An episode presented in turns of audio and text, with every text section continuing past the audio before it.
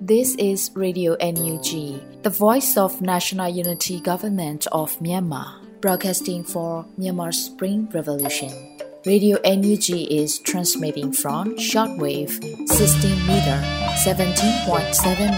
MHz at 8:30 a.m. and 25 meter 11.94 MHz at 8:30 p.m. Myanmar Standard Time. မင်္ဂလာပါရှင်။ မြို့သားညီညွတ်ရေးအစိုးရရဲ့အတန်လွှင့်ဌာန Radio NUG ကိုမနက်ပိုင်း၈နာရီခွဲမှာလိုင်းတူ16မီတာ19.89 MHz ညပိုင်း၈နာရီခွဲမှာလိုင်းတူ25မီတာ17.6 MHz တို့မှာဓာတ်ရိုက်ဖမ်းယူနိုင်စေနိုင်ပါရှင်။မင်္ဂလာအပေါင်းနဲ့ပြည့်စုံကြပါစေ။အခုချိန်ကစပြီး Radio NUG အစီအစဉ်လေးကိုဓာတ်ရိုက်အတန်လွှင့်ပေးနေပါပြီရှင်။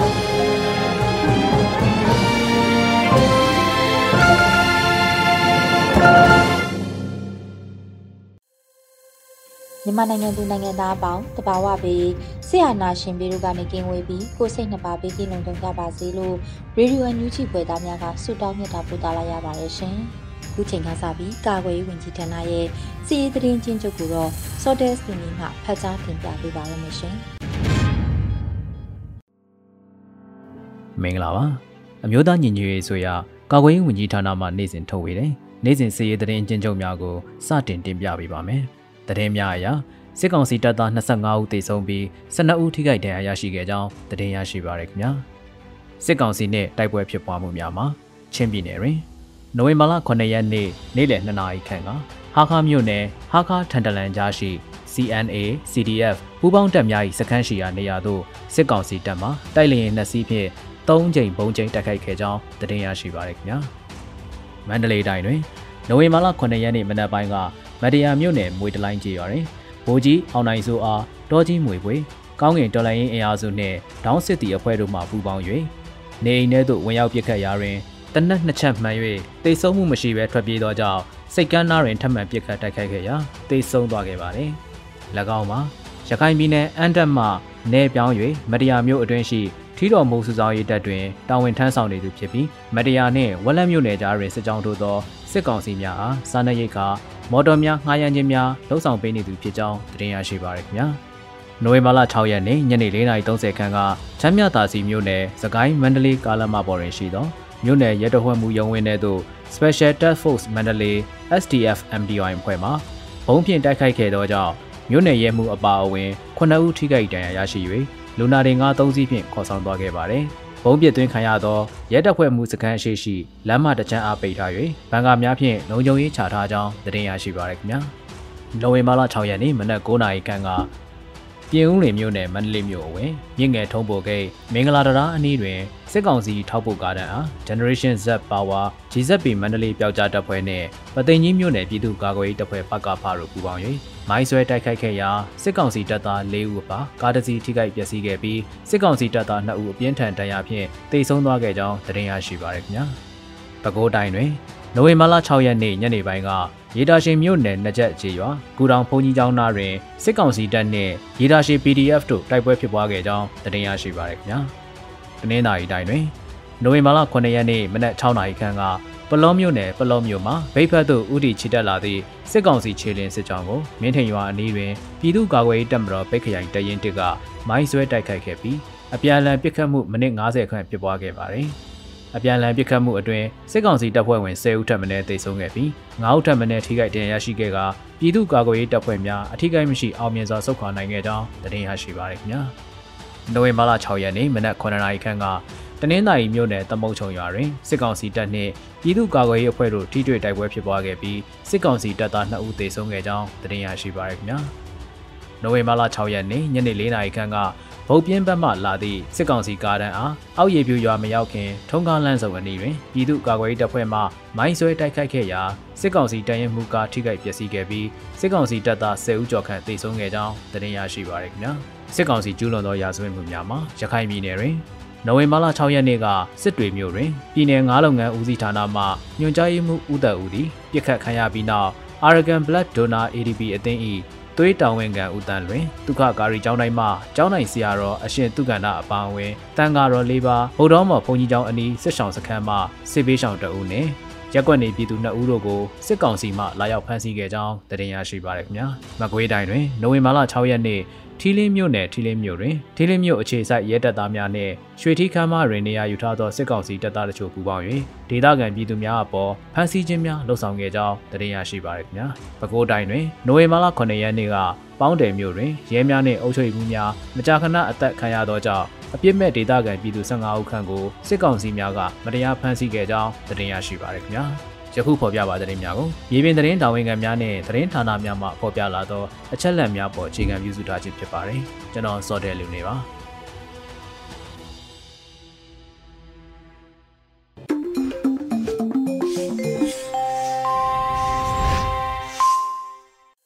ရေဒီယိုအန်ယူဂျီရဲ့မနက်ခင်းစီစဉ်တွေကိုဆက်လက်တင်ပြနေပါတယ်။အခုဆက်လက်ပြီးနားဆင်ကြရမှာကတော့နောက်ဆုံးရသတင်းများဖြစ်ပါတယ်။မျိုးဦးမောင်မှဖတ်ကြားတင်ပြပေးပါရမရှင်။ မင်္ဂလာပါခင်ဗျာ။ယခုချိန်ကစပြီး Radio NUG မနက်ခင်းပြည်တွင်သတင်းများကိုဖတ်ကြားတင်ပြပေးပါတော့မယ်။ယခုတင်ပြပေးမယ့်သတင်းတွေကတော့ Radio NUG သတင်းတာဝန်ခံတွေနဲ့ခိုင်လုံသောမိဖက်သတင်းရင်းမြစ်တွေမှာအခြေခံထားတာဖြစ်ပါတယ်။ကျွန်တော်ကတော့ຫນွေဦးမောင်ပါခင်ဗျာ။မနက်ပိုင်းပြည်တွင်သတင်းများကိုတင်ဆက်ပေးပါတော့မယ်။ຫນွေဦးတော်လန်ရေးရဲ့ထူးခြားချက်ဟာ CDN လှုပ်ရှားသူများဖြစ်ပြီးတော့ထိန်းချုပ်နယ်မြေတိုင်းမှာ CDN များလုပ်ငန်းပါဝင်ဆောင်ရွက်နေတယ်လို့ပြည်ထောင်စုဝန်ကြီးဒေါက်တာဇော်ဝေဆိုးကပြောကြားခဲ့တဲ့သတင်းပဲဖြစ်ပါတယ်။ຫນွေဦးတော်လန်ရေးရဲ့ထူးခြားချက်ဟာ CDN လှုပ်ရှားသူများဖြစ်ပြီးတော့ထိန်းချုပ်နယ်မြေတိုင်းမှာ CDN များလုပ်ငန်းပါဝင်ဆောင်ရွက်နေတယ်လို့ပြည်ထောင်စုဝန်ကြီးဒေါက်တာဇော်ဝေဆိုးကပြောပါတယ်။နိုဝင်ဘာလ9ရက်နေ့ CDN လှုပ်ရှားမှုနဲ့ CDN policy အကြောင်းအရာများကိုဆွေးနွေးတဲ့ပြည်သူ့စကားဝိုင်းမှာပြည်ထောင်စုဝန်ကြီးဒေါက်တာဇော်ဝေဆိုးကဆိုပါတယ်။ဒီဒေါ်လာရေးရဲ့ထူးခြားချက်က CDN ပဲ။အခုဆို နေရာတိုင်းမှာရှိတဲ့ပြည်သူ့ခုခံဒေါ်လာစစ်ကနေထိန်းချုပ်ဒေသတွေပေါ်ပေါက်လာတယ်။ဥပမာချင်းတို့ PND တို့မကွေးတို့စတဲ့နေရာတွေမှာ CDM တွေနဲ့လဲပတ်နေတယ်။ CDM တွေနဲ့လုပ်နေတယ်။ဒါကြောင့် CDM တွေကိုတန်မိုးလဲထားပါတယ်။အရေးလဲကြီးပါတယ်လို့ဝန်ကြီးကဆိုပါတယ်။2021ခုနှစ်ဖေဖော်ဝါရီလ1ရက်နေ့မှာစစ်တပ်ဟာနိုင်ငံတော်အာဏာကိုမတရားသိမ်းယူခဲ့ပါတယ်။စစ်အာဏာသိမ်းပြီးနောက်စစ်အာဏာရှင်စန့်ကျင်ရေးလှုပ်ရှားမှုများကိုပညာရေး၊ကျန်းမာရေးဝန်ထမ်းအများစုပါဝင်ခဲ့ကြပါတယ်ခင်ဗျာ။ ဆက်လက်ပြီးအမျိုးသားညီညွတ်ရေးအစိုးရကာကွယ်ရေးဝန်ကြီးဌာနမှ ULA AA တပ်မှုချုပ်ဗိုလ်ချုပ်ထွန်းမြတ်နိုင်ရဲ့44နှစ်မြောက်မွေးနေ့ကိုဆုတောင်းတဲ့တော်ဝန်လွှာပေးပို့ခဲ့တဲ့သတင်းပဲဖြစ်ပါတယ်။အမျိုးသားညီညွတ်ရေးအစိုးရကာကွယ်ရေးဝန်ကြီးဌာနမှ ULA AA တပ်မှုချုပ်ဗိုလ်ချုပ်ထွန်းမြတ်နိုင်ရဲ့44နှစ်မြောက်မွေးနေ့ကိုဆုတောင်းပေးတဲ့တဝန်လွှာပေးပို့ခဲ့ပါတယ်။နိုဝင်ဘာ9ရက်နေ့မှာကာကွယ်ရေးဝန်ကြီးဌာနကမွေးနေ့ဆုတောင်းလွှာကိုတရားဝင်ပေးပို့ခဲ့ပါတယ်။ 2022ခုနှစ်နိုဝင်ဘာလ9ရက်နေ့တွင်ကြာရောက်သည့်ရခိုင်တပ်တော် AA တပ်မှုချုပ်ဗိုလ်ချုပ်ထွန်းမြတ်နိုင်၏44နှစ်ပြည့်မွေးနေ့မှစပြီးစိတ်ဤချမ်းသာခြင်းကိုယ်ဤကျန်းမာခြင်းရှိပါစေကြောင်းကာကွယ်ရေးဝန်ကြီးဌာနကစုမွန်ကောင်းတောင်းအပ်ပါတယ်လို့ဖော်ပြပါရှိပါတယ်။ထို့အတူဒေါ်လာရေးမဟာမိတ်အင်အားစု BRA မကွေးမှာလည်းဗိုလ်ချုပ်ထွန်းမြတ်နိုင်၏44နှစ်ပြည့်မွေးနေ့သို့တုံဝန်လွှာပို့၍မွေးနေ့ဆုတောင်းလွှာပေးပို့ခဲ့ပါတယ်ခင်ဗျာ။ ဆက်လက်ပြီးအပြည်ပြည်ဆိုင်ရာပူးပေါင်းဆောင်ရွက်ရေးဒုဝန်ကြီးနေရာတွင်ခန့်အပ်တာဝန်အနှင်းချင်းခံရသောဒေးဗစ်ကွမ်အောင်ကပြည်ထောင်စုလွှတ်တော်ကိုစားပြုကော်မတီရှေ့မှောက်တွင်ဂရီးသစ္စာပြုကျန်းသစ္စာဆိုခဲ့တဲ့သတင်းပဲဖြစ်ပါတယ်။အပြည်ပြည်ဆိုင်ရာပူးပေါင်းဆောင်ရွက်ရေးဒုဝန်ကြီးနေရာတွင်ခန့်အပ်တာဝန်အနှင်းချင်းခံရသောဒေးဗစ်ကွမ်အောင်ကပြည်ထောင်စုလွှတ်တော်ကိုစားပြုကော်မတီ၏ရှေ့မှောက်တွင်ဂရီးသစ္စာပြုကျန်းသစ္စာဆိုခဲ့ပါသည်။ နိုဝင်ဘာလ6ရက်နေ့မှာဗီဒီယိုကွန်ဖရင့်မှတဆင့်ဂရီးသစ္စာပြုကျန်းသစ္စာဆိုခြင်းအခမ်းအနားအားကျင်းပခဲ့ပါတယ်။အခမ်းအနားမှာပြည်ထောင်စုလွှတ်တော်ကိုစားပြုကော်မတီဥက္ကဋ္ဌဦးအောင်ကြည်ညွန့်ကအဖွင့်အမှာစကားပြောကြားပြီးနောက်အပြည်ပြည်ဆိုင်ရာပူးပေါင်းဆောင်ရွက်ရေးဝန်ကြီးဌာန၏ဒုဝန်ကြီးနေရာတွင်ခန့်အပ်တာဝန်အနှင်းချင်းခံရသောဒေးဗစ်ကွမ်အောင်ဆလန်ဒေးဗစ်ကွမ်အောင်ကပြည်ထောင်စုလွှတ်တော်ကိုစားပြုကော်မတီ၏ရှေ့မှောက်တွင်ဂရီးသစ္စာပြုကျမ်းသစ္စာဆိုခြင်းပြုလုပ်ခဲ့ပါသည်။ ထို့နောက်အပြည်ပြည်ဆိုင်ရာပူးပေါင်းဆောင်ရွက်ရေးဝန်ကြီးဌာနဒုဝန်ကြီးဒေးဗစ်ကွမ်အောင်ကတက်ရောက်လာကြသည့်အဖွဲ့ဝင်များအားမိတ်ဆက်စကားပြောကြားခဲ့ပြီးပြည်ထောင်စုဝန်ကြီးဒေါက်တာဆဆာကဂျိုဇိုနှုတ်ခွန်းဆက်စကားပြောကြားခဲ့ပါတယ်။အခမ်းအနားသို့ပြည်ထောင်စုလွှတ်တော်ကိုစားပြုကော်မတီဥက္ကဋ္ဌအတွင်းရေးမှူးများနဲ့အဖွဲ့ဝင်များအပြည်ပြည်ဆိုင်ရာပူးပေါင်းဆောင်ရွက်ရေးဝန်ကြီးဌာန ပြည်ထောင်စုဝန်ကြီးဒေါက်တာဆဆာနဲ့ဒုတိယဝန်ကြီးဒေးဗစ်ကွမ်အောင်အလုံသမားဝန်ကြီးဌာနဒုတိယဝန်ကြီးတို့တက်ရောက်ခဲ့ကြတယ်လို့ပြည်ထောင်စုလွှတ်တော်ကိုစားပြုကော်မတီကသတင်းထုတ်ပြန်ခဲ့ပါတယ်ခင်ဗျာဆက်လက်ပြီးတစောင်းမုံလားပြည့်နေအထိတ်အမှတ်အဖြစ် NUG အတိမတ်ပြုစစ်ဘေးချောင်စာတင်ကျောင်းနှစ်ကျောင်းမှာတမူး PDF တရင်တက်ကဂျာဆန်ကျော်စတူဒီတာအလူကျွေးမွေးခဲ့တဲ့သတင်းပဲဖြစ်ပါတယ်။တစောင်းမုံလားပြည့်နေအထိတ်အမှတ်အဖြစ် NUG အတိမတ်ပြုစစ်ဘေးချောင်စာတင်ကျောင်းနှစ်ကျောင်းမှာ တမူး PDF တရင်တက်ကဂျာဆန်ကျော်စတူဒီတာအလူကျွေးမွေးခဲ့ပါတယ်။နိုဝင်ဘာ9ရက်နေ့မှာတမူး PDF တရင်တက်ကအတိပေးဆိုပါတယ်။နိုဝင်ဘာ9ရက်ရွာလေးနေရွာမှာရှိတဲ့ NUG အတိမတ်ပြုစစ်ဘေးချောင်စာတင်ကျောင်းလေးနှစ်ကျောင်းမှာတစောင်းမုံလားပြည့်နေတစောင်းတိုင်းအထိတ်အမှတ်အဖြစ်ကျွန်တော်တို့တရင်တစ်ရဲဘော်ညီကိုမောင်နှမတွေဂျာဆန်ကျော်စတူဒီတာအလှလေးသွားလို့ဖြစ်ကြတယ်လို့ဆိုပါတယ်။ တကြောင်ကိုမူလာနဲ့ចောင်းသားဦးရေ60နဲ့ဆရာမ3ယောက်ရှိကနောက်တစ်ကြောင်မှာအထက်တန်းအထိចောင်းသားဦးရေ80နဲ့ဆရာဆရာမ10ဦးခန့်ရှိနေတယ်လို့ဆိုပါတယ်ခင်ဗျာ။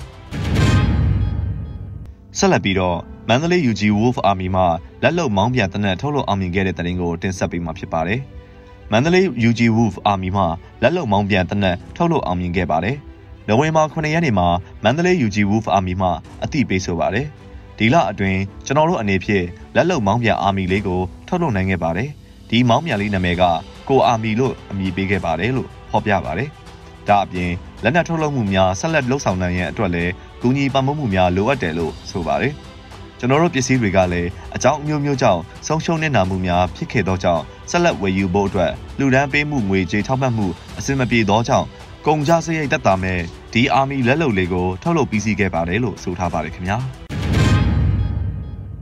ဆက်လက်ပြီးစကိုင်းတိုင်းမြောင်မြို့နယ်စူးလေကုန်းကျေးရွာနဲ့နနွင်းကိုင်းကျေးရွာကိုအကြမ်းဖက်စစ်တပ်ကဝင်ရောက်တောင်းကျမ်း၍နနင်းကိုင်းကျေးရွာကိုမီးရှို့ဖျက်ဆီးခဲ့တဲ့တဲ့င်းပဲဖြစ်ပါတယ်။စကိုင်းတိုင်းမြောင်မြို့နယ်စူးလေကုန်းကျေးရွာနဲ့နနွင်းကိုင်းကျေးရွာကိုအကြမ်းဖက်စစ်တပ်ကဝင်ရောက်တောင်းကျမ်း၍နနွင်းကိုင်းကျေးရွာကိုမီးရှို့ဖျက်ဆီးခဲ့ပါတယ်။နိုဝင်ဘာ9ရက်မွန်းလွဲပိုင်းမှာစစ်ကောင်စီတပ်များဟာကျေးရွာများကိုမွေနှောက်တောင်းကျမ်းခဲ့တာလို့ဒေါ်လာရင်းအင်အားစုများကအတည်ပြုဆိုပါတယ်။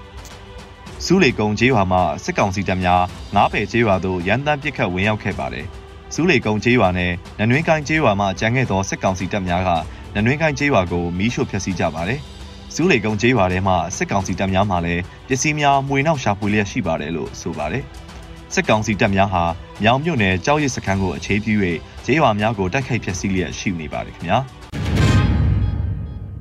ဆက်လက်ပြီးတော့မြိုင်မြို့နယ်အနောက်တောင်ပိုင်းဝက်ပုတ်ရွာအတွင်းရှိ ပြူစောတိစခန်းမှာပြစ်ခတ်လိုက်သောလက်နက်ကြီးထိမှန်၍အသက်60ကျော်အရွယ်အဖိုးတိတ်ဆုံးခဲ့တဲ့တဲ့တင်ပဲဖြစ်ပါတယ်။မကွေးတိုင်းမြိုင်မြို့နယ်အနောက်တောင်ပိုင်းဝက်ပုတ်ရွာအတွင်းရှိပြူစောတိစခန်းမှာပြစ်ခတ်လိုက်သောလက်နက်ကြီးထိမှန်၍အသက်60ကျော်အရွယ်အဖိုးသေဆုံးခဲ့ပါတယ်။နိုဝင်ဘာ9ရက်နေ့မှာနန္တာမြိုင်ပြည်သူ့ကာကွယ်ရေးတပ်ဖွဲ့မြိုင်ကအတီးပြုဆိုပါတယ်။မြိုင်မြို့နယ်အနောက်တောင်ပိုင်းဝက်ပုတ်ရွာအတွင်းရှိပြူစောတိစခန်းကိုပြည်သူ့ကာကွယ်ရေးပူးပေါင်းတပ်ဖွဲ့များမှလက်နက်ကြီးများဖြင့်တွားရောက်ပစ်ခတ်ချိန်တွင် ဝက်ပုတ်ရွာပြူစခန်းအတွင်းမှစစ်ကောင်စီတပ်နှင့်ပြူများကလည်းပြန်လည်ပစ်ခတ်ခဲ့ပါတယ်။ဝက်ပုတ်ပြူစခန်းအတွင်းမှာလက်နက်ကြီးပစ်ခတ်လိုက်၍ချောင်းဥတိုရွာမှနေအိမ်တစ်လုံးအတွင်းသို့ကြားရောက်ပောက်ကွဲခဲ့ပါတယ်လို့ဆိုပါတယ်။လက်နက်ကြီးထိမှန်ကအသက်60ကျော်အရွယ်အဖိုးဘွားလင်းများနှစ်ဦးလက်နက်ကြီးထိမှန်ကအမျိုးသားမှာပွဲချင်းပြီးတေဆုံးခဲ့ရပြီးအမျိုးသမီးကခြေထောက်ပြတ်သွားခဲ့တယ်လို့သတင်းရရှိပါတယ်ခင်ဗျာ။ နောက်ဆုံးသတင်းအနေနဲ့ KNU ကရင်အမျိုးသားအစည်းအရုံးကော်တိုလေးအုပ်ချုပ်နယ်မြေအတွင်းတလတာတိုက်ပွဲမှာစစ်ကောင်စီတပ်နဲ့ BGF တပ်ဖွဲ့ဝင်ပေါင်း300ကျော်သေဆုံးခဲ့တဲ့သတင်းပဲဖြစ်ပါတယ်။ KNU ကရင်အမျိုးသားအစည်းအရုံးကော်တူးလေအုပ်ချုပ်နယ်မြေအတွင်းတလတာတိုက်ပွဲမှာစစ်ကောင်စီတပ်နဲ့ BGF တပ်ဖွဲ့ဝင်ပေါင်း300ကျော်သေဆုံးခဲ့ပါတယ်။နိုဝင်ဘာလ9ရက်နေ့မှာ KNU ဗဟိုကစီးရေးသတင်းကိုတရားဝင်ထုတ်ပြန်ဖော်ပြပါတယ်။ KNU ကရင်အမျိုးသားအစည်းအရုံးကော်တူလေအုပ်ချုပ်နယ်မြေအတွင်း အော်တိုဘာလတလလုံးအာနာသိန်းအကြမ်းဖက်စစ်ကောင်စီတပ်နဲ့လက်အောက်ခံနယ်ခြားဆောင်တပ် BGF များမှနိုင်စဉ်နေတိုင်းစစ်ရေးလှုပ်ရှားမှုများပြုလုပ်နေသည့်အတွက်ကရင်အမျိုးသားလူမျိုးရေးတပ်မတော် KNLA ကရင်အမျိုးသားကာကွယ်ရေးတပ်ဖွဲ့ KNDO တို့နဲ့တိုက်ပွဲကြီးတိုက်ပွဲငယ်များနိုင်စဉ်နေတိုင်းဖြစ်ပွားလျက်ရှိတယ်လို့ဆိုပါတယ် 2022ခုနှစ်အောက်တိုဘာလတလအတွင်းတိုက်ပွဲပေါင်း286ကြိမ်ဖြစ်ပွားခဲ့ပြီးအာနာသိန်းအကြမ်းဖက်စစ်ကောင်စီတပ်နဲ့လက်အောက်ခံနေကြားဆောင်ထက် BGF များမှ369ဦးသေဆုံးက302ဦးဒဏ်ရာရရှိခဲ့ပါတယ်။အာနာသိန်းအကြမ်းဖက်စစ်ကောင်စီတပ်များအုံပြုသောရင်း 18CR ကရင်အမျိုးသားလွတ်မြောက်ရေးတပ်မတော် KNLA ကရင်အမျိုးသားကာကွယ်ရေးတပ်ဖွဲ့ KNDO တို့မှဖျက်ဆီးနိုင်ခဲ့ပါလေခင်ဗျာ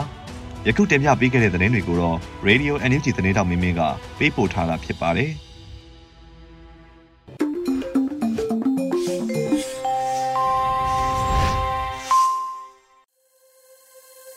ရေဒီယိုမြူချီပရိသတ်တွေအတွက်ကူးဆက်လက်ပြီးထုတ်လွှင့်ပေးမယ့်အစီအစဉ်ကတော့တော်လှန်ရေးကြပြအစီအစဉ်ဖြစ်ပါတယ်။ငါသာစစ်သားတယောက်ဖြစ်ခဲ့ရင်လို့အမည်ရတဲ့တော်လှန်ရေးကြပြကိုတော့နေသွင်းနိုင်ရေးသားပြီးရွေးဦးမှုမှရွတ်ဖတ်ထားတာကိုနားဆင်ကြရမှာဖြစ်ပါတယ်ရှင်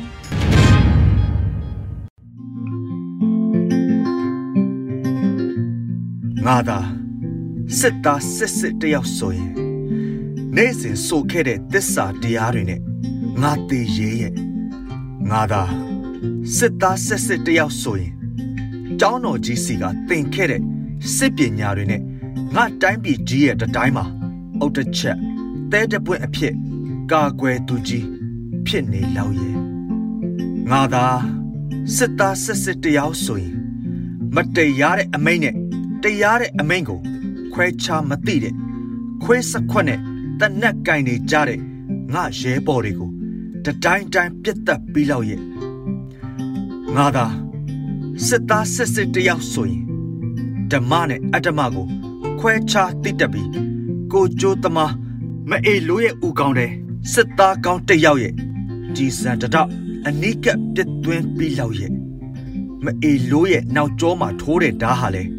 ငါဖြစ်ပြီးလောက်ရဲ့ငါသာစစ်သားစစ်စစ်တယောက်ဆိုရင်ပြည်သူအသက်ကိုငါမတတ် ပြည်သူစီးပွားမထိပါပြည်သူပစ္စည်းမဖြတ်စည်းတဲ့ရင်ကျေးတဲ့စစ်တီတော်ဟာငါပဲဖြစ်လောက်ရဲ့ရေလိုလလိုကျင့်တဲ့စစ်တီတော်အဖြစ်ရှက်ကြောပြက်နေတဲ့တက်ဆက်ဖောက်လောက်ကောင်တွေရဲ့ပခုံးသားအထက်ကကျဲပွင့်တွေကိုရီပွဲဖွဲ့ခြင်းရဲ့ငါဟာတနက်ဖျားကိုပြည်သူပတ်မလှဲ့တတိပြက်နေတဲ့လူသက်သမားတွေရဲ့ကိုကြိုးစည်းဝါးမှာငါမနေ ငါဟာပြည်သူအတွက်ပွင့်တဲ့စစ်တီတော်အဖြစ်ဝန်စားပြီးလောက်ရဲ့ငါသာစစ်သားစစ်စစ်တယောက်ဆိုရင်ပြည်သူစီယိုမှာခွေးစိတ်ဝင်နေတဲ့မအေလိုးရဲ့အသက်ကိုချိတ်ပြီးပြည်သူနှလုံးကိုတင်းကျုံပြီးလောက်ရဲ့ငါသာစစ်သားစစ်စစ်တယောက်ဆိုရင်ငါအမေအိမ်ငါပြန်တဲ့အခါအမေသားကြီးဟဲဆိုပြီးအမေကန်းတဲ့တပြေပန်းတဲ့ ဂုံတိတ်ခါဆိုတာကိုငါလက်ပြနဲ့ငါဖွင့်ဆိုပြီးလောက်ရဲ့ငါသာစစ်သားစစ်စစ်တယောက်ဆိုရင်လေနေတွင်နိုင်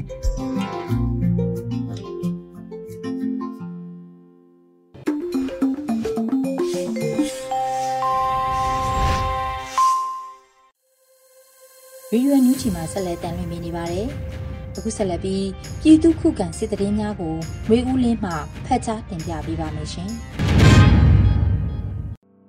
ပထမဦးစွာတင်ဆက်မှာကကင်းပြည်နယ်တွင်တလတာတိုက်ပွဲတွင်စစ်တပ်နှင့် BGF ဘက်မှ369ဦးသေဆုံးတဲ့တဲ့ရင်ကိုတင်ဆက်မှာပါ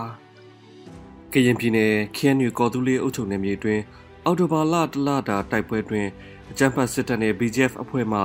369ဦးသေဆုံးခဲ့ကြောင်း KNU ကရင်မြို့သားစီယုံထံမှသိရပါတယ်။အော်တိုဘာလတလတာအတွင်းကော်တူးလေးအုပ်ချုပ်နယ်မြေတွင်အကြမ်းဖက်စစ်တပ်နှင့်လက်အောက်ခံနေကြားဆောင်တပ် BGF များမှနေ့စဉ်စီရေးလှုပ်ရှားမှုများပြုလုပ်နေခြင်းကြောင့်ကရင်မျိုးသားလွတ်မြောက်ရေးတပ်မတော် KNL ကရင်အမျိုးသားကာကွယ်ရေးတပ်ဖွဲ့ KNDO နှင့်တိုက်ပွဲကြီးတိုက်ပွဲငယ်များနေ့စဉ်ဖြစ်ပွားလျက်ရှိကြောင်းထုတ်ပြန်ကြမှာဖော်ပြပါတယ်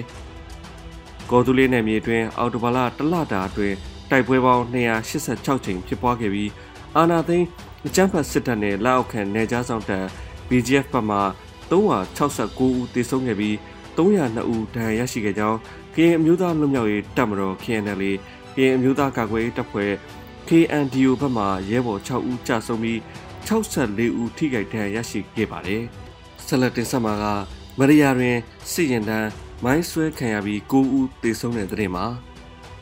မန္တလေးတိုင်း မရယာမြို့နယ်တွင်အကြမ်းဖက်စစ်တပ်စစ်ကြောင်းမိုင်းဆွဲတိုက်ခိုက်ခံရပြီးစစ်သား9ဦးသေဆုံးကြောင်းသိရပါတယ်။နိုဝင်ဘာလ6ရက်နေ့မွန်းလွဲ12:30မိနစ်တွင်မန္တလေးမှာမရယာမြို့နယ်အနောက်ဘက်ခြမ်းသို့စစ်ကြောင်းထိုးရန်ထွက်ခွာလာသောစစ်ကား၄စီးကိုဟင်းသာကုန်းရွာနှင့်တောင်ကိုင်းရွာကြားတွင်ပရိသာမိုင်း၃လုံးဖြင့်နတ်ဆူမြောက်တော်လေးတပ်ဖွဲ့ကမိုင်းဆွဲတိုက်ခတ်ခဲ့ပြီးစစ်ကားနှစ်စီးထိမှန်ပျက်စီးကစစ်သား9ဦးသေဆုံးပြီးအများပြားထိခိုက်ဒဏ်ရာရရှိခဲ့တာပါ မြင်းမှုမြို့ပေါ်တွင်စကားစာများတိုက်ခတ်ခဲ့တဲ့သတင်းကိုဆက်လက်တင်ဆက်မှာပါစကိုင်းတိုင်းမြင်းမှုမြို့နယ်ရှိမြမစီးပွားရေးဘဏ်တွင်ကင်းဆောင်နေသည့်စစ်သားများလက်ပစ်ဘုံဖြင့်တိုက်ခိုက်ခံရပြီး၃3ဦးသေဆုံးကြောင်းသိရပါတယ်။နိုဝင်ဘာလ6ရက်နေ့ညနေ4:23မိနစ်ခန့်တွင်မြင်းမှုမြို့ရှိမြမစီးပွားရေးဘဏ်တွင်ကင်းဆောင်နေသည့်စစ်သားများကိုကာကွယ်တပ်ဖွဲ့များကလက်ပစ်ပုံးဖြင့်ပစ်ခတ်တိုက်ခတ်ခဲ့ပြီးစစ်သား3ဦးသေဆုံးခဲ့တာပါ။ နောက်ဆုံးအနေနဲ့မရယာမြို့နယ်မှာစစ်သားစုဆောင်ရေးဘူကြီးပြစ်တက်ခိုင်းတဲ့တဲ့တင်ကိုဆက်လက်တင်ဆက်မှာပါ။မန္တလေးတိုင်းမရယာမြို့နယ်မွေးတလိုင်းချေရတွင်နေသောဘူကြီးအောင်နိုင်ဆိုယနေ့နနက်ပိုင်းတွင်ပြစ်ခတ်ခံပြီးတေဆုံးသွားကြောင်းတောကြီးမွေပွေအဖွဲ့မှတာဝန်ရှိသူတဦးကပြောပါတယ်။နိုဝင်ဘာလ9ရက်နေ့နနက်ပိုင်းတောကြီးမွေပွေကောင်းကင်တော်လိုင်းအင်အားစုနဲ့တောင်းစစ်တီတို့ကဘူကြီးအောင်နိုင်စိုးကိုရှင်းလင်းခဲ့ခြင်းဖြစ်ကြောင်း ဘူကြီးအောင်နိုင်စိုးသည်ရခိုင်ပြည်နယ်အန်းတက်နယ်မှပြောင်းရွှေ့ပြီးမရယာမြို့နယ်တွင်စုဆောင်းရေးတပ်တွင်တာဝန်ထမ်းဆောင်နေသူဖြစ်ကြောင်းသိရပါတယ်။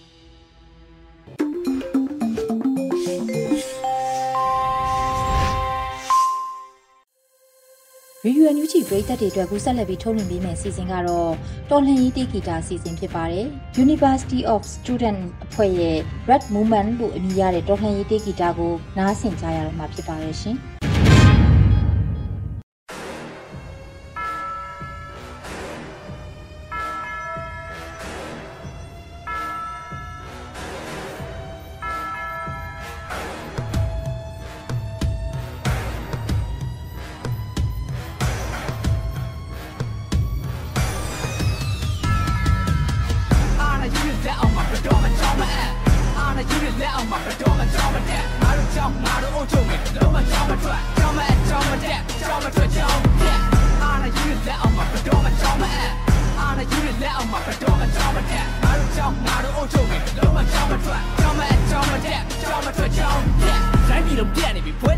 လက်မကြီးကိုလိုချင်တုံးလားចောင်းသားတွေတက်နေပြီသူတို့ပေးတဲ့ဘွဲကိုလိုချင်တုံးလားဆ iam မတွေထောင်းနေရောက်နေမင်းတို့ကိုစပ်လို့တမတုံးဟာသူတို့ပေးတဲ့ဘွဲနဲ့အလုပ်အဆင်ပြေမဲ့ချင်းချိုးခင်ကုန်လားတက်တော့ရဲ့အမြင့်ဆုံးရတယ်မလားခုံပေါ်မှာခံစားနေတယ်ပဲပုဂ္ဂိုလ်ကြီးကနေစပြီးအေးရစီပညာနဲ့အမှန်မှမခွဲနိုင်ကိုချင်းစက်မခံစားခဲ့တော့အသက်ပေးခဲ့သူတွေပါထောက်ချင်းတွက်အားနာကြခြင်းမျိုးလဲဇက်မှမရှိပါစောက်ချင်းပြက်နောက်တစ်ဆင့်တက်ရာထူးမဲ့ပြိတ်တဲ့ပုံချတော့ professor ဒေါက်တာဘွဲရရှိစမတိတ်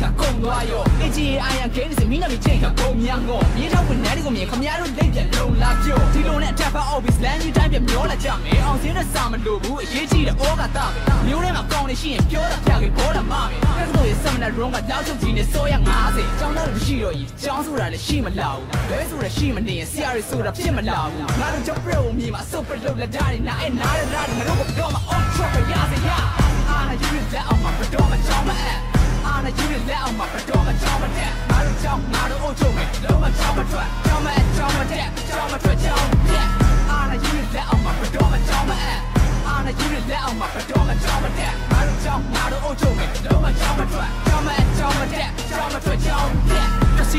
လိုအပ်လာပြီးအာနာရှင်စနစ်ရဲ့ရန်နာပေါ့ចောင်းသားတွေငြိမ်မနေနဲ့ထွက်လာခဲ့ကြခေရဲ့လမ်းမှာပေါ့အပြစ်မဲ့ဖမ်းတော့ဘာညာတွေတွင်းနဲ့ရှေ့လေရတယ်တို့ပါတွေပညာရေးနဲ့နောက်မျိုးဆက်ကိုမွေးနေလာခဲ့သဆိုးနဲ့လူသက်သမားကပေါ်ဆောင်ပေးမဲ့ပညာရေးတကာတော့သားတွေထုတ်ချင်းပေါက်ကြငါတို့တွေစိတ်လာတွေးတာနောက်တက်မဲ့လူငယ်တွေရဲ့အနာဂတ်အတွက်နေရပေးရမယ်အာနာရှင်ပညာရေးကချက်တင်ရုပ်တဲ့မိကတေးသွားចောင်းနေတာပြန်ဖွင့်ပေးမယ်တမ်းမို့တွေတွေးကမချောက်သေးဘူးငါတို့ရဲ့အိမ်မက်တစ်ခုဖက်တဲ့ပညာရေးမရောက်သေးဘူးပြပြမယ်နောက်တွေးတစ်ခုသွန်ရင်တော့အမားတော့သိရမယ်ပြသားတွေခံယူချက်နဲ့ကိုချင်းသာတရားတော့ရှိရတိုင်းပြည်ရဲ့အနာဂတ်အတွက်လည်းမလန့်ချင်းကိုပြန်တိုက်ယူရမယ်နေရာတိုင်းကိုငါတို့ပိုင်တယ်ကိုတောင်းတွေလမ်းဆိုင်ကြရမယ်စာတင်ငန်းသွားမယ်အိတ်တဲ့ရေးတကူတော့မလှည့်ကြီးအာနာယူတွေပြုတ်မကြချင်းချေဦးတော့မလှည့်ကြီးចောင်းသားတွေမရှိတော့ရင်ចောင်းဆိုတာလည်းရှိမလာဘူးဘဲဆိုတာရှိမနေရင်ဆရာတွေဆိုတာဖြစ်မလာဘူးငါတို့ចောင်းပြတ်ဝင်မြေမှာဆုတ်ပလို့လက်ထားတွေနားအိနားတဲ့သားတွေကတော့ပြောမှာအုံချုံမရနေရလက်အောင်မှာတော့မချောင်းမအဲ့အာနာယူလက်အောင်မှာတော့မချောင်းမတဲ့ငါတို့ចောင်းငါတို့အုပ်ချုပ်မယ်လုံးမချောင်းမထွက်ချောင်းမအဲ့ချောင်းမတဲ့ချောင်းမထွက်ချောင်းတဲ့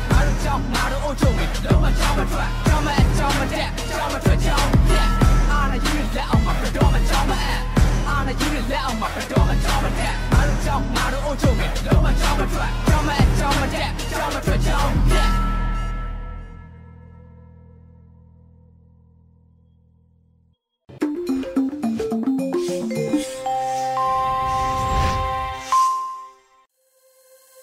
ယူဂျီပရိသတ်တွေအတွက်ကူးဆက်လက်ပြီးထုတ်လွှင့်ပေးမှာကတော့ PPTV ရဲ့နေ့စဉ်သတင်းများဖြစ်ပါတယ်။ထက်ထက်အင်ဒရာအောင်မှဖတ်ကြားတင်ပြပေးပါရမရှင်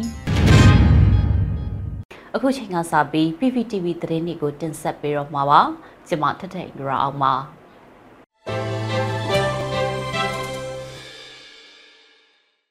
ပထထမဆုံးတင်ဆက်ပေးမှာကတော့ဂျာကာလာဒေသန္တရပြည်သူ့အုပ်ချုပ်ရေးဖော်ဆောင်မှုဗဟိုကော်မတီနဲ့ဗဟိုတိုင်းပြည်သူ့အုပ်ချုပ်ရေးအဖွဲ့တို့ကြားတွေ့ဆုံဆွေးနွေးရဲဆိုတဲ့သတင်းမှာ အမျိုးသားညီညွတ်ရေးအစိုးရဂျာကာလာဒေသနာပြည်သူ့အုပ်ချုပ်ရေးဖော်ဆောင်မှုဗဟိုကော်မတီနဲ့ပဲခူးတိုင်းပြည်သူ့အုပ်ချုပ်ရေးအဖွဲ့တို့တွေ့ဆုံဆွေးနွေးပွဲကိုနိုဝင်ဘာ9ရက်နေ့မှာပြုလုပ်ခဲ့ပါတယ်။ဂျာကာလာဒေသနာပြည်သူ့အုပ်ချုပ်ရေးဖော်ဆောင်မှုဗဟိုကော်မတီအတွင်းရေးမှူးအဖွဲ့ဝင်လူသားချင်းစာနာထောက်ထားရေးနဲ့ဘေးရန်ရဲ့ဆိုင်ရာစီမံခန့်ခွဲရေးဝန်ကြီးဌာနဒုတိယပြည်ထောင်စုဝန်ကြီးဒေါက်တာငိုင်းတန်မောင်ကပြည်သူ့အုပ်ချုပ်ရေးလုပ်ငန်းတွေကိုကောင်းမွန်စွာဖော်ဆောင်ခြင်းမှာအားတက်ဖွယ်ဖြစ်ကြောင်း တော်လိုင်းရေးကိုတက်ဆွမ်းသမျှဆောင်ရွက်ရတဲ့လုံခြုံရေးကိုအထူးသတိပြုရန်လိုအပ်ကြောင်းတိုင်းသားအလုံးရဲ့ဘုံရီမှန်းချက်ဖြစ်တဲ့ Federal Democracy နိုင်ငံထူထောင်ရေးအတွက်အတူတကွကြိုးပမ်းကြဖို့အတွက်တိုက်တွန်းဆွေးနွေးခဲ့ပါတယ်။ဆက်လက်ပြီးတော့ကျန်းမာရေးဝန်ကြီးဌာနဒုတိယပြည်ထောင်စုဝန်ကြီးထောက်တာရွှေပုံကအမှားစကားပြောကြားခဲ့ပါတယ်။ပြည်ထောင်နဲ့လူဝင်မှုကြီးကြပ်ရေးဝန်ကြီးဌာနကဝန်ကြီးဌာနရဲ့ဆောင်ရွက်နေတဲ့မူဝါဒတွေကိုရှင်းလင်းတင်ပြခဲ့ပါတယ်။ တက်ရောက်လာတဲ့ပဲခူးတိုင်းပြည်သူ့အုပ်ချုပ်ရေးအဖွဲ့တွေကမြေပြင်ကြုံတွေ့နေရတဲ့အခက်အခဲတွေနဲ့မူဝါဒပိုင်းဆိုင်ရာသိရှိလိုတာတွေကိုအပြည့်အလှဆွေးနွေးခဲ့ပါတယ်။အဆိုပါတွေ့ဆုံပွဲကိုဝင်းကြီးတွေအမြဲတမ်းအတွဲဝင်တွေတွဲဘက်အတွဲဝင်တွေနဲ့ပဲခူးတိုင်းပြည်သူ့အုပ်ချုပ်ရေးအဖွဲ့တွေကတာဝန်ရှိသူတွေဌာနဆိုင်ရာတွေကတာဝန်ရှိသူတွေတက်ရောက်ခဲ့ကြတယ်လို့ပြည်ထောင်နဲ့လူဝင်မှုကြီးကြပ်ရေးဝန်ကြီးဌာနကသတင်းထုတ်ပြန်ထားပါတယ် နောက်ထပ်အနေနဲ့တင်ဆက်ပေးမှာကတော့အကြံဖတ်စစ်တပ်ရဲ့စံတင်လာတဲ့သမောကို PDF တွေကဖမ်းဆီးပြီးတော့ပြည်သူတွေကိုစံအိတ်တွေဝေပေးခဲ့တဲ့တဲ့တင်မှာချင်းရွေးမြစ်အတွင်းမှာအကြမ်းဖက်စစ်ကောင်စီရဲ့စံတင်လာတဲ့တင်မော်ကိုပြည်သူ့ကာကွယ်ရေးတပ်တွေကမနေ့ကမွန်လွယ်2နာရီအချိန်ခန့်မှာဖမ်းဆီးပြီးတော့စံအိတ်တွေကိုပြည်သူတွေကိုဝေငှပေးခဲ့တာပါအကြမ်းဖက်စစ်ကောင်စီရဲ့ရိတ်ခါတင်တင်မော်မှာစံအိတ်ပေါင်း1000ဝဲကျော်ပါလာတာဖြစ်ပြီးတော့အကြမ်းဖက်စစ်တပ်မရောက်လာခင်မှာပဲစံအိတ်400လောက်သာတည်ဆောင်နိုင်ခဲ့တယ်လို့ မြိုင်မြို့နယ်ပြည်သူ့ကာကွယ်ရေးနဲ့လုံခြုံရေးတပ်ဖွဲ့ CDSOM ကပြောပါတယ်။အကြမ်းဖက်စစ်တပ်ကရေချောင်းကဖျက်ဆီးသွားမယ်ဆိုတဲ့သတင်းရတဲ့အတွက်ပြည်သူ့ကာကွယ်ရေးတပ်တွေကတိုက်ခိုက်ဖို့လှုံ့ဆော်နေစဉ်မှာစစ်သမောတွေမရောက်လာခင်မှာပဲရိတ်ခါတဲ့သမောရောက်လာတဲ့အတွက်စံတဲ့သမောကိုဖမ်းဆီးခဲ့တာလို့ဆိုပါတယ်။ မန္တလေးဘက်ကထွက်လာတဲ့ရိတ်ခါတင်သမောကိုချင်းရမြစ်စိတ်တစ်ခုဖြစ်တဲ့နှတွင်းကိုင်းစိတ်မှာကတ်ခိုင်းပြီးတော့ပြည်သူတွေကိုစံအိတ်တွေဝေပေးခဲ့တာပါစံအိတ်တွေတင်နေစဉ်မွန်လွယ်3နာရီလောက်မှာအကြမ်းဖက်စစ်တပ်ကရေချောင်းကနေရောကုန်းချောင်းကနေမှစစ်ကြောင်းထိုးလာတဲ့အတွက်စံအိတ်400လောက်တိတ်ယူပြီးချိန်မှာနောက်ဆုတ်ခဲ့တယ်လို့ဆိုထားပါတယ် ဆလတ်တင်ဆက်ပေးမှာကတော့အကြမ်းဖက်စစ်တပ်ရဲ့လက်ပါစီ BGF ကစခန်းတိုးချဲ့တိဆောက်ရာမှာပြည်သူ40ဦးကိုအရမခေါ်ယူခိုင်းစေနေတဲ့ဆိုတဲ့သတင်းမှာအကြမ်းဖက်စစ်တပ်ရဲ့လက်ပါစီ BGF 1014လောက်ခန့်တက်ခွဲနှင့်ဖျားကုန်းစခန်းကစခန်းတိုးချဲ့တိဆောက်ရာမှာပြည်သူ40ဦးကိုအရမခေါ်ယူစေခိုင်းတာတွေပြုလုပ်နေတယ်လို့ KNU ဗဟိုကနိုဝင်ဘာ6ရက်နေ့မှာသတင်းထုတ်ပြန်ခဲ့ပါတယ်။မိထီလာကြီးရွာကရင်အခေါ်ဝပလော့ဖိုတိုအနီးမှာ စကိုင်းကတက်ဆွဲထားတဲ့ BGF 1014လောက်ခန့်တက်ခွဲနှင့်ဖေဟာကုန်းစခန်းကစခန်းတိုးချဲ့တိစောက်ဖို့အတွက်နိုဝင်ဘာ3ရက်မနက်9:00နာရီခန့်မှာပြည်သူ40ဦးကိုအရမခေါ်ဆောင်စိတ်ခိုက်မှုတွေပြုလုပ်ခဲ့တာပါအကြမ်းဖက်စစ်တပ်ရဲ့လက်ပါစီ BGF တပ်က KNU ဖအံမြို့နယ်ဝဲပြန်ကြီးနေအုပ်စုမှာရှိတဲ့မိဆိုင်ကျွေးရွာစကောကရင်အခေါ်မဲကြီးထမိထီလာကြီးရွာပလောဖိုတိုပေပင်စိတ်ကြီးရွာလော့ပူ ဝဲပြန်ကြီးရွာဝဲပြကြီးရွာတွေကရွာသား10ဦးစီကိုအရမခေါ်ယူစီခိုင်းနေတာပါအဲ့ဒီစခန်းက BGF တက်ခွဲနှင်မှုမောင်တင်ဝင်းနေတဲ့စခန်းမှာစခန်းတိုးချက်တိစောက်ဖို့ဝဲပြန်ကြီးနေတဲ့ကအယက်သားအယောက်40ကိုခေါ်ခိုင်းတယ်နိုဝင်ဘာ3ရက်နေ့ကစပြီးစိတ်ခိုင်းတာပါအခု6ရက်နေ့ထိမပြီးသေးဘူးလို့ KNU ဝဲပြန်ကြီးနေအုပ်စုတာဝန်ရှိသူတအုပ်ကပြောပါတယ် ဒါ့အပြင်မိထီလာကျေးရွာအနီးမှာရှိတဲ့ဖျားကုန်း BGS စခန်းဝဲမှာ BGF တပ်ဖွဲ့ကမိသားစုဝင်တွေဆွေမျိုးတွေလည်းနေထိုင်ကြပြီးတော့တခါတည်းမှာခီးသွွားပြည်သူတွေကိုခေါ်ယူစစ်ဆေးတာတွေပြုလုပ်နေတယ်လို့ KNU ဗဟိုရဲ့ထုတ်ပြန်ချက်မှာဖော်ပြထားပါတယ်။ကျေးဇူးတင်ပါတယ်ရှင်။